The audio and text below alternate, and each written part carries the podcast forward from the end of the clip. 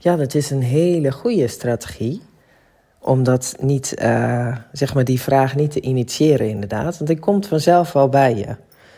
Uh, dat, dat, dat, uh, als het niet morgen is, is het niet overmorgen, is het niet over een week of is het niet over een jaar. Maar hij komt hoe dan ook bij je. En uh, ja, dan kan, je er, dan kan je er vanzelf op reageren. Maar het was iets wat, wat, mij, wat ik me afvroeg. Uh, misschien was dat al een keer te sprake gekomen. Dat vriendinnen bijvoorbeeld hadden gezegd van... jee, je bent best wel uh, ja, anders dan anders of zo, weet je. Dat had natuurlijk zomaar gekund. Dus uh, ja, ik ben wel benieuwd. Maar goed, net wat je zegt, heel verstandig en heel wijs... om dat niet zelf te vragen, maar gewoon rustig te wachten... totdat het dus een keer te sprake komt.